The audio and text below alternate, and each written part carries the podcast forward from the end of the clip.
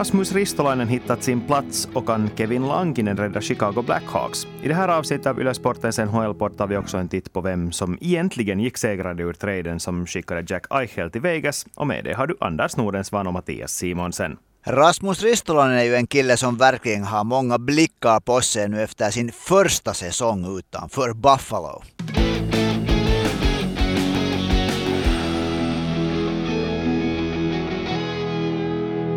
Ja, det som fick oss att tänka på just Ristolainen var det att vi fick in en fråga av Mattias. Han undrar om Rasmus Ristolainen har levt upp till förväntningarna så här långt. Och det är ju en jättebra fråga. För om vi börjar med det här grundläggande här i, i Mattias fråga så är det ju det att va, vilka har de här förväntningarna varit så här långt för Ristolainen? Just det. Vilka har de varit och från vilket håll har de varit hurdarna? Nu skulle jag väl säga att de viktigaste förväntningarna är väl det som såklart som hans nya arbetsgivare eh, Philadelphia Flyers har på honom. Och då har de direkt visat vissa förväntningar genom att till exempel inte placera honom i första backparet utan placera honom i andra backparet. Där det har varit ganska mycket snack om att Rasmus Ristolainen hade för stora förväntningar på sig i Buffalo och att han egentligen kanske är en andra backparets eh, NHL-back. Och det där, nu har han ju bara spelat åtta matcher efter att han missat ett par på grund av skada. Men så här långt så det där om man ser helt på hur hans statistik ser ut och sånt så tycker jag att, att det ser ganska stabilt ut i, i Philadelphia. Jag håller med dig så tillvida också att, att den här förväntningen verkar vara från första början att han ska platsa i det här andra backparet och det var ju någonting som framförallt man i media från eh, olika experter, människor som tycker om att tycka till i Nordamerika tyckte att han uttryckligen ska spela i det här andra backparet. Det har han ju gjort med hedern i behåll. Hade kanske en lite svår start på karriären i Philadelphia, kom inte riktigt in i lagets spelsystem där. Ja, vissa kan skylla på att Travis Sanheim inte heller har spelat världsbra bredvid honom, men oavsett så tog det en liten stund för, komma, för Ristolainen att komma in i sitt spel, men nu vågar man väl påstå att han har gjort det. Ja, om man tittar lite på Ristolainen så här genom siffror, så han har spelat alltså åtta matcher hittills. Och när det gäller en av hans stora styrkor, tacklingar, så är han den tacklaren av Philadelphias backar som har mest stött till motståndaren. 23 tacklingar på 80, 8, inte på 80 utan på 8 matcher. Nej förlåt, 26 tacklingar har han själv givit och 23 har han tagit emot, vilket också är etta bland Flyers. Och sen är han äh, tredje bästa blockeraren av skott bland backarna och det som är ganska tycker jag positivt när han är andra backpar är att han är i det här, de räknar den här statistiken på för, för förväntade mål. Och där är han också trea bland backarna i Philadelphia. Så jag tycker att han liksom är ganska exakt där var jag skulle anta att de har förväntningarna på honom. Ja, men nu måste vi också komma ihåg att det inte bara är vi, det är inte bara media, det är inte bara lagets ledning som har förväntningar på, utan kanske fansen också. Och nu ska vi minnas att Philadelphia ändå betalar ett förhållandevis högt pris för att få honom. Och nu är frågan kanske den ur fansens perspektiv är att har de betalat för mycket för en spelare som är tredje bäst i allting? Nope ska vi säga, jag tycker eh, det kan vi egentligen inte ännu riktigt värdera för att nu är ju Philadelphia ett lag som åtminstone jag här före säsongen tyckte att nu är det byggt för framgång. Och då är det ju den här liksom bredden och djupet som är viktig. Om, om, om Ristolainen liksom har en sån här roll där han spelar, han har spelat nu lite över 20 minuter per match de senaste matcherna. Om han liksom, om han, eh, om Philadelphia vinner, eh, tar poäng och han spelar ett sån här stabilt spel där han, jag tycker att man har sett en nu att liksom, han har ju fått mycket krig för att han så att säga springer runt, positionerar sig dåligt. Och här tycker jag att det är någonting som han har verkligen jobbat på. Så det där, jag tror att han har mycket sånt i sig som åtminstone traditionella Philadelphia Flyers-fans gillar. Lite den här han är en ganska stabil fysisk back om man säger så. Nej, alltså det är just det där som jag reagerar på också. För efter att vi, vi kom överens om att okej, okay, vi fick in den här frågan om Ristolainen, vi ska snacka om Ristolainen, så kollade jag på den här matchen som Philadelphia spelar mot Washington natten till söndag finns det. Och jag kollade på den och sen läste lite vad det hade skrivits om den nordamerikansk media. Jo, Philadelphia media verkar gilla det här hur fysiskt man var, för man visste att jo, när Flyers spelar mot Capitals så då blir det fysiskt och då ska man ha sådana stora bjässar som Ristolainen. Nu steg han fram, han buffade buffades framför målet. Han åkte in i offensiv zon och buffades. Men samtidigt så var det just den här positioneringen som jag tycker att var hans stora problem. För när han var defensivt så verkar han ibland vara på helt fel ställe, förutom när Alexander Ovechkin var nära, för honom vill han ju då buffas med så mycket som han bara kan, det vet alla. Men andra spelare kändes det som att han var lite sådär dåligt placerad på isen hela tiden. Han blev ganska lätt omkörd om han inte fick vara där framför den egna kassen eller bakom där och tackla det som han alltså gör bäst. Och offensivt sett tycker jag också att han var lite sådär överivrig i anfallet på ett sätt som man kan ha sett i Buffalo, men där kändes det mer som att jag åtminstone antog att, att han är den som måste ta den rollen i Buffalo när ingen annan vill vara den där spelöppnande spelaren som blir Ristonanen. Nu finns det en massa andra killar som kan göra det i Philadelphia. Kanske, okej, okay, det kan också bero på att Sanheim inte har varit värst bra. Han var ganska, no, inte ganska usel, han var usel i den här matchen mot Washington också.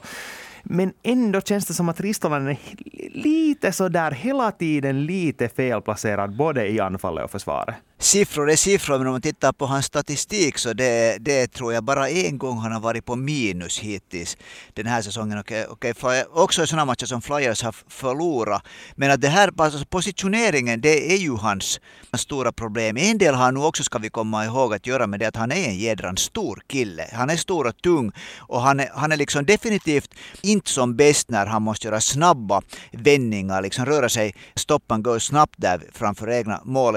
Så därför är det nog, det tycker jag, just den här positioneringen som är den viktiga. Och, och alltså det vad jag nu har sett så tycker jag att det har blivit liksom bättre. Att han, är, att han liksom undviker, jag tror att han undviker det mycket medvetet det här att han börjar och rusa, rusa omkring.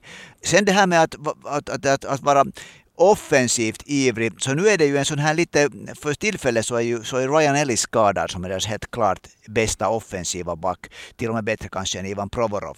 Det kanske ges åt honom möjligheter och han det där försöker leva upp till dem. Jag tror det viktiga med Rasmus Ristolainen hela tiden där att han inte försöker leva upp till något sånt som inte är hans liksom, styrkor. Ja, men det var kanske lite den bilden som jag fick i den här matchen, att han fortfarande spelar på ett sätt som hans kropp inte tillåter honom att göra. Men så har vi också den här positioneringen, för jag lyfte fram det här största problemet i den offensiva positioneringen var det att han är väldigt statisk på något sätt. Mm. Vilket också kan ha att göra med det här att han, han är stor, det är svårt att röra på sig, göra så små rörelser. Men det var kanske också lite att läsa spel. Det var en sekvens här som jag nu inte minns vilken Philadelphia-anfallare det var, som kom i princip runt målet till Ristolans, alltså högra kanten av den offensiva zonen. Då. Och det var mycket kring målet som hände då. Den här anfallaren försökte göra en sån här wraparound, en, en vanhanaikanen, vad man nu ska kalla det på svenska. Så försökte snurra runt målet och klämma in pucken, vilket han inte lyckades med.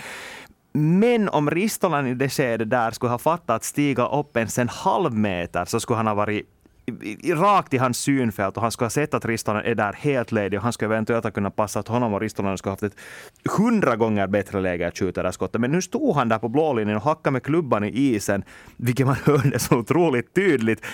Och så fick han inte pucken för att han helt enkelt inte var rätt positionerad. Det var säkert helt liksom äh, rätt iakttagelse. Men så måste man nu liksom försöka sätta sig in där mellan, mellan äh, Rasmus Ristolanens öron och se med hans ögon. Då ska vi komma ihåg att en av de styrkorna som han har haft att, är att han hör till de backarna. Det, finns, det är ju en stor grej i NHL. Han hör till de backarna som brukar få pucken fram till mål från blålinjen. Så, och, det där. och det kan ju hända att det är också sånt som man i Philadelphia har sagt till honom att hej, att du ska stå där och du ska leverera pucken, pucken till, till mål när du en gång kan göra det. Nå, det här är ju att spekulera. Men det var jag skulle säga, det där målet som han sen gav en assist till. Där hade han en klar fördel av att vara stor och stark. För han var där, han var ett par meter från Washingtons mål. Han stod där och liksom kom ut skrinnande mot eh, blålinjen, fick pucken, slängde den iväg och sen blev det, eh, passade den vidare och sen blev det ett mål. Och där ska vi konstatera att han låg inte på isen och sprattla utan han stod upprätt och kunde göra det och det tycker jag nog var en sån här liksom, tufft spel framför Washingtons mål. Nej, jo, nej, jag ska inte låta för kritisk här nu. Det, det kanske det känner att jag börjar så här nitpicka, eller det känns som att jag börjar leta fram så små detaljer som jättegott. För det, det här var en, en sån där i helhetsmässigt sett en bra insats av Ristolainen. Det som jag bara lite ifrågasätter är det här hur han hypades efter det här Om man talar om att okej, okay, nu har fansen fått se den Ristolainen som klubbledningen betalar så mycket för för det tycker jag inte att det här var. Det här var inte en så bra match som Ristolainen kan göra. Men ja, kanske det bara är positivt om han fortfarande kan bättra på. Men det här är just det här som vi, som vi vet med det där som är kanske ännu mer tydligt när det gäller nordamerikansk eh, hockeymedia och kanske ännu på USA-sidan. Att, att just när, att se nu att han smäller till med en tackling eller gör någonting och då liksom ser de bara det och glömmer bort allt annat. Att det är sådär som Teemu Selänne sa väl i tiderna där att man är aldrig lika bra som media säger och aldrig lika dålig heller som de säger. Att man måste liksom hålla, man, man måste hålla blicken på pucken så att säga. Mm. Och några killar som kommer att ha blicken på ristolanen, så det är ju landslagets ledning. Jocke Jalonen, Jere Lehtinen ska åka till Nordamerika för att scouta en HL-spelare. Det kanske intressantaste namnet måste väl vara Rasmus Ristolanen som inte var med på sommarens OS-möte. Det är ju nog ett hyperintressant möte som de kommer att ha, antagligen på någon bättre, eh, bättre det där restaurang i Philadelphia. Det skulle vara kul att vara det där en en, en, det finns nu inte flugor i taket på sådana restauranger, men någon, no sorts iakttagare därför. Nu när man ser på hur det ser ut med backsituationen så det där Rasmus Ristolainen skulle nog behövas. Det är inte många backar för tillfället eh, som i, av de finska backarna tyvärr, tyvärr ännu heller som har liksom stora, stora och eh, viktiga roller i sina NHL-lag. Tre av dem spelar i ett lag och det kan ju inte alla backar kan ju inte komma från Dallas. Nej, men hälften kan. Alltså det är som mitt största problem med OS faktiskt. Därför att, helt som du håller med om att, att Ristolainen nu han ska vara given i OS-laget. Förutsatt att han inte kommer till den här restaurangen och slänger sitt vattenglas rakt på Jukkalanens face som hämnd för att han inte blev inbjuden till det här, till det här OS-mötet på sommaren, så ska han vara med i laget. Min, mitt problem är kanske det vem han ska matchas med. För det, mm. Då när vi tog ut våra lag senast så hade vi båda väl Heiskanen med Ristolainen i första backparet. Men nu med tanke på hans offensiva iver i Philadelphia åtminstone så börjar det kännas som att det kan vara lite, ska vi säga att det dels tar bort Heiskanens styrkor om han börjar solospela i offensiven plus att det liksom kan lämna ganska farliga luckor bakom sig i, i försvarsspelet om det misslyckas jag har kanske selektivt minne, för jag tycker att jag, att jag åtminstone hade där sagt att, att Heiskanen borde spela med Esa Lindell eftersom de spelar mycket tillsammans. Men det, det, det oberoende så det där, ja, det jag tycker som du att det, det skulle inte vara optimalt att ha äh, Ristolainen tillsammans med Heiskanen. Jag tror nog att det där Heiskanen-Lindell-paret, helt enkelt när det är en kort turnering och de känner varandra så om jag lite ens kan tänka in mig i hur Jalonen tänker så tror jag att, att det är liksom att, att det är på något sätt låst, att det lönar sig att ha de här två luokilla tillsammans. Fast nu båda är leftare men det där, de spelar ju också i Dallas, Dallas det där tillsammans mycket. Ristolainen har ju en bakgrund till exempel när, då, då när han var med om att Finland vann JVM. Så då spelade han i backpar med Mikko Lehtonen. Och Mikko Lehtonen är ju inte i NHL, han är nu i KHL. Men han är en Jukka Jalonen favorit och jag är helt säker på att Jukka Jalonen kommer att ta in någon eller några spelare från Europa och där tror jag att Lehtonen hör definitivt till de spelarna som han är mycket intresserad av och då är jag inte, tycker jag inte helt uteslutet att Ristolainen skulle spela med Lehtonen och ännu skulle jag säga ska vi komma ihåg att Henri Jokiharju som nu är skadad som är helt spikad i, i han är i de två be, första backparen i Buffalo om han kommer tillbaka, tillbaka så de har också flera år av att ha varit i samma organisation, Ristolainen och det där och Jokiharju. Så det här så här tänker jag. E, eller så kan han matchas ihop med Jani Hakanpää och bilda vinterspelens mest våldsamma backduo. Men det återstår att se.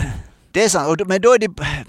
No, det är ju en, Jalonen har ju inte problem med det här, men då är det ju båda rightare. Ja, alltså där funderar jag också, och det kan ju vara i vissa matcher, det kan ju vara att om det här är en sån där turnering där Jalonen också kanske eh, med åren har blivit mera en sån här fingertoppskänsla, att han inte bara slår fast allting utan han också kan inom, vet, liksom mixtra lite. Så det kan ju finnas vissa matcher faktiskt. Jag har också det där gottat mig åt det där att det skulle vara ett ganska, ett ganska härligt backpar med, med Hakanpää och Ristolainen mot något stort uh, fysiskt uh, anfall.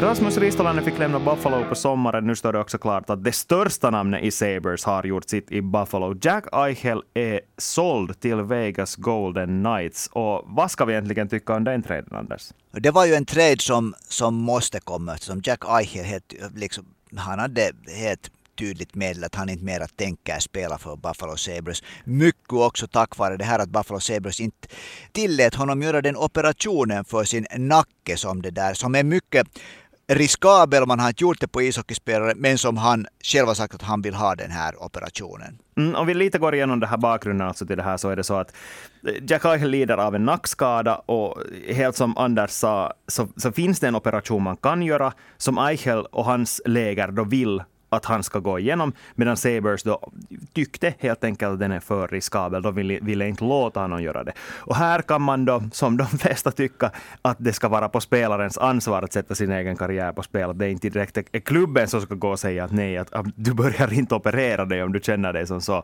Så det blev helt enkelt en väldigt ohållbar situation, också med tanke på det att Buffalo helt enkelt inte har varit värst bra de senaste åren.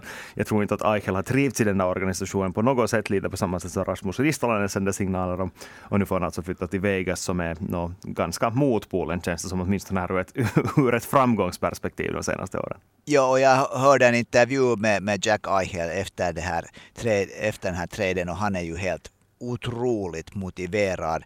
Inte bara för att han kan göra den här, genomgå den här operationen men också för att man, man hör på honom att han, han kommer till ett lag som han själv tror på att kan nå framgång. Och det är ju, han har ju under hela sin NHL-karriär äh, spelat i, i lag som inte, ett lag som inte har nått framgång och det där och fast han kanske själv har varit en orsak till det också så det där är han ju nog högt uppskattad. Ja, det där, jag reagerar på det här att i den här nordamerikanska versionen av det som jag lyssnar på här så det där sa det, vilket jag nog att, att, att Jack Eichel som frisk hör ju till de åtta bästa ishockeyspelarna i NHL. Och där måste jag nog säga att hoho, det, om man kommer från USA och vill titta på det genom sådana här kärnprydda och rödvitrandiga glasögon så kan jag gå med på att det är en analys som man kan stå på. Helt talangmässigt sett är han ju en av de bästa spelarna i ligan, men samtidigt har han inte gjort någonting i Buffalo för att, för att meritera en sån plats på en sån lista, tycker jag. För helt som du sa, så det, det har ju funnits det här att i Buffalo byggde man ju upp laget kring honom.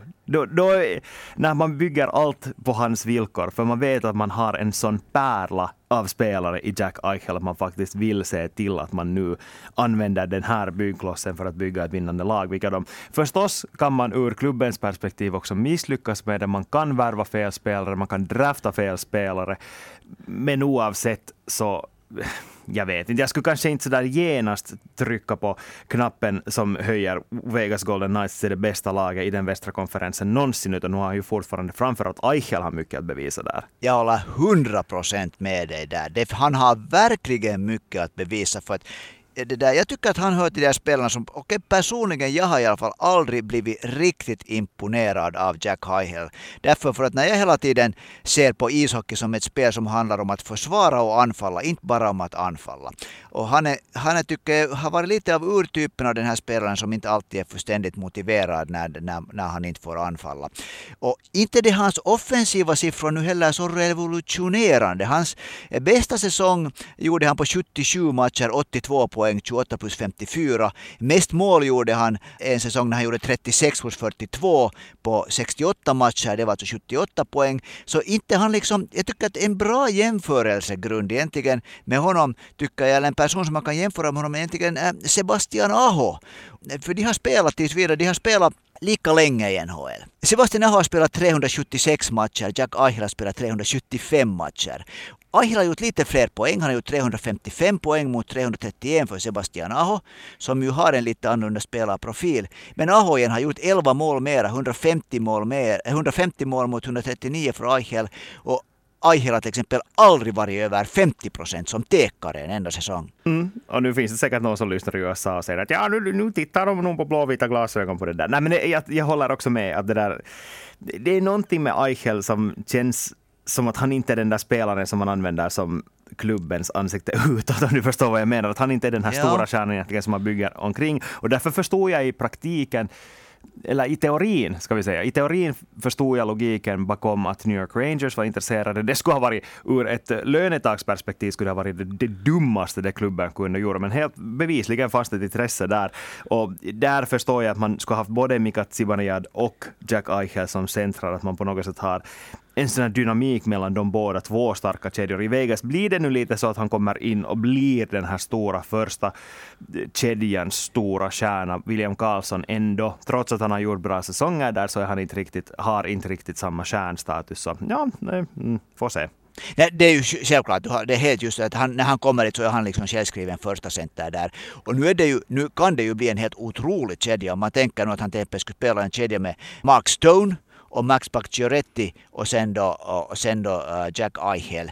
Uh, så visst, nu, nu finns där en otrolig potential. Men, men, och det finns många men. Först ska han opereras. Det, det, det tar tre månader åtminstone tills han är tillbaka. Man vet inte om han är tillbaka som samma spelare. Så där finns nog många stora eh, men och han har en, en årslön på 10 miljoner dollar fram till säsongen 25-26. Och från och med nästa säsong så har han också en no movement class vilket gör att Vegas inte sådär bara kan träda honom någonstans som Buffalo kunde göra nu. Men kanske vi ska titta lite på Buffalo också. De var ju också en del av den här traden. Och på något sätt känns det nu lite som att de nu har blivit av med några stora tunga namn som de har haft med i det här lagbygget hur länge som helst känns det som. Nu har de inte mera Jack Eichel, de har inte mera Rasmus Ristolainen. De får, det känns som att de får en ny start nu här. De har fått lite draftval att använda, de har fått några spelare, till exempel just, eh, eller de båda spelarna som de fick i den här traden med Peyton Krebs och Alex Tuch. Och här tycker jag att Tuch till exempel var en sån som ju blev lite av en publikfavorit i Vegas för att han är den spelartypen som han är och det är ju en sån spelartyp som man verkligen vill ha i en krisklubb som Buffalo. Just precis så. Buffalo, ja, men det, det här är den här samma storyn som vi har sett ganska många gånger. Att när ett lag blir helt uträknat när man tar bort sådana spelare därifrån som borde vara stjärnorna, så är den här nivån på, på den här gemene NHL-spelaren i alla fall så hög att när ett lag blir sammansvetsat börjar liksom ha, känna sig som att hej, att nu är vi mot, mot världen, så då börjar det plötsligt att se bättre ut och det tycker jag att vi just nu ser i Buffalo för tillfället. Men så går det inte heller att undvika det faktum att det här inte nödvändigtvis är bra nyheter för Ruotsalainen. Han har spelat som center nu, nu kom det in flera centrar som kan utmana honom om de här positionerna. Jo, han kan spela på kanten också, men han måste nog börja höja på sin nivå för att behålla sin plats i NHL. Jo, han är fjärde center han nu för tillfället det där i, i Buffalo. Och, och, det där, han är ju en offensivt bra spelare. Han är inte hemskt stor, storvuxen så det där. Men så helt som du säger, så det, han, har, han har viktiga månader framför sig här.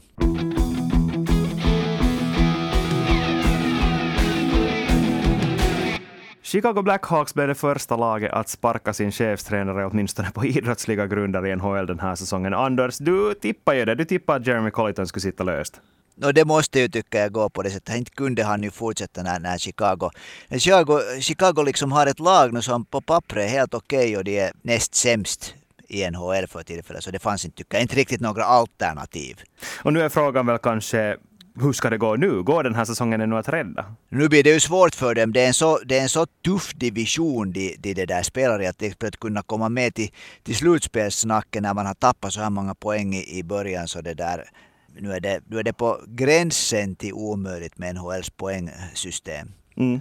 Och en sak som talar emot Blackhawks är det att de i allra högsta grad har gått igenom den här Kyle Beach-skandalen på ett helt annat sätt än vad till exempel Florida har gjort, som vi talade om förra, förra veckan. För där, där var det ju ändå bara så att det var Joel Kenneville som fick gå. I, I Chicago har man ju i princip tvingats se över hela organisationen, från klubbchefen neråt, där Stan Bowman fick gå. Det har funnits så mycket snack i den här klubben. Det är så många personer, både i, uppe på, i VIP logerna ner till faktiskt omklädningsrummet. Till och med Jonathan Taves, Patrick Kane, de var ju alla med då det här hände 2010. Det har varit så mycket kring det nu att jag tror att det är sånt som sätter sitt spår på ett lag ändå.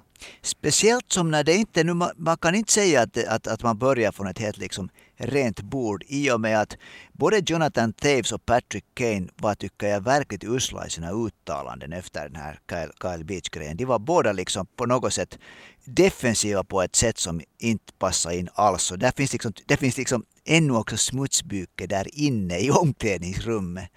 Jo, alltså det vad de gjorde var ju att de i praktiken försvarade Stan Bowman framförallt för det jobb han har gjort i Chicago. Och det är något, något sånt som man i det där läget absolut inte ska göra. Jo, fine, tyck vad ni vill om honom som person, men efter att det har kommit fram att han i första hand har varit den som har mörka sexuella övergrepp inom din klubb under en vår då ni var de största stjärnorna i klubben så kan de inte gå och säga att äh, vi, vi kan inte ta ställning till vad som hände men han är ju en jättefin man. man. Det går inte att säga så utan att det finns några som helst följder. Och, och man vet ju inte heller att hur det ser ut i omklädningsrummet nu efter att Colliton fick gå till exempel. Colliton hade ju förresten inte någonting att göra med den här skandalen.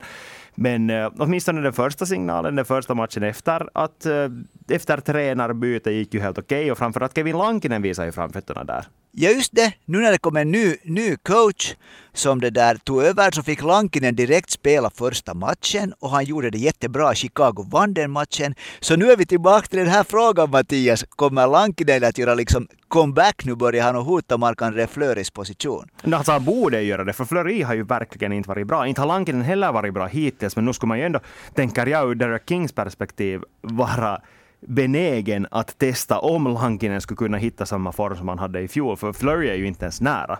Nej, Flurry är, långt från det vad han var förra säsongen. Det, där är, det gäller att vinna. När man vinner matcher så får man ansvar och det där Lankinen vann nu han tog sin chans, så nu ska det bli intressant att se. Jag tror också på det där att, att nu kommer det, åtminstone så hoppas jag verkligen på att det kommer att bli mer balanserat. Det är inte så här att, att Fleury spelar sju matcher och Lankinen en. Mm. Och på tal om Lankinen så finns det ju också ett annat lag där han eventuellt kan finnas med. Vi har fått in en fråga om det här. Thomas undrar hur OS-lagets målvaktstrio kommer att se ut. Och det är kanske lite tidigt att ta ställning till det, hur det slutliga laget kommer att se ut. Men om du Anders skulle vara tvungen att ta ut en målvaktstrio just nu, så skulle Kevin Lankinen vara med där. Jag säger först att jag skulle ta Jussi Saros som första målvakt, helt, helt klart. Mikko Koskinen tycker att man nu inte kan förbise. Han var den målvakten som kanske var lång, längst bakom i, kön före säsongen började. Nu tycker jag att han är helt solklar tvåa för tillfället bland de finska målvakterna. Och sen den tredje den där platsen, så det ligger kanske då, jag menar Jonas Korpisalo och, och det där Kevin Lankinen. Och, eh, no, jag skulle nog gärna se Lankinen där. Mm. Jag skulle igen inse att Mikko Koskinen finns med i den men jag skulle säga att Kevin Lankinen finns men att han är bakom Saros Korpisalo och tävlar om den här tredjeplatsen med Capo Kähkönen som nu har igen börjat visa bättre takter än det var han. För han hamnade i en sån här märklig svacka, en sån här jättedjup svacka efter att han hade den där glödheta perioden under den förra säsongen då han vann nio matcher på raken. Sen blev han plötsligt jättedålig och han har varit jättedålig under början av den här säsongen också. Men nu känns det igen som att han har börjat hitta formen på något sätt. Jo, eh, det där... No, vi måste komma ihåg att jätte, jättedålig med NHL-måttet sen det där. Det, det hoppas jag att alla lyssnare, lyssnare det där förstår att vi inte egentligen säger att, att någon har på riktigt varit en dålig målvakt för det är ganska höga krav på NHL-målvakter. Men, men mot vad man har förväntningarna, ja. Men jag måste nu försvara lite Mikko Koskinen, för jag har dömt ut honom många gånger också i mina egna tankar. Men han har nog räddat matcher åt Edmonton där förra veckan och det där. Han har mycket erfarenhet från landslaget också, det ska vi komma ihåg.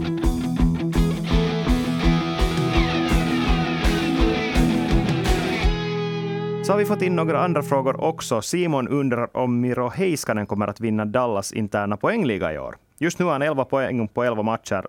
Tyler Seguin är tvåa med 7 poäng på 11 matcher, så inte känns det ju sådär direkt osannolikt inte. Nej, det här är ju en helt tydlig jo-nej-fråga, så jag säger jo. Miro Heiskanen kommer, han kommer att göra 69 poäng den här säsongen och, och vinna den interna, interna det där poängligan. Alltså jag skulle vilja säga nej nu bara för att vara vanna någonsin, men jag kommer faktiskt inte på vem som skulle komma nära det poängsaldo som han ser ut att gå mot, så jag måste faktiskt också säga ja. Alltså det känns ju som att det är Seguin i så fall, och inte tror jag att han kommer att få lika många poäng som Heiskanen.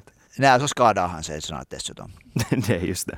Eddie undrar om uh, Rangers Oilers som spelades på veckoslutet var säsongens bästa match och om Connor McDavids 5-5 mål i den matchen var säsongens snyggaste. Och här går det också att säga ganska lätt att målet åtminstone var det snyggaste. Jag, jag har inte sett alla matcher så jag vågar inte påstå att det var den bästa matchen, men målet var, jo, det var snyggast hittills. Jag, hade, jag skulle också liksom, det är nog några matcher som uh, Carolina och Florida har varit inblandade med som jag skulle påstå att har varit de bästa matcherna.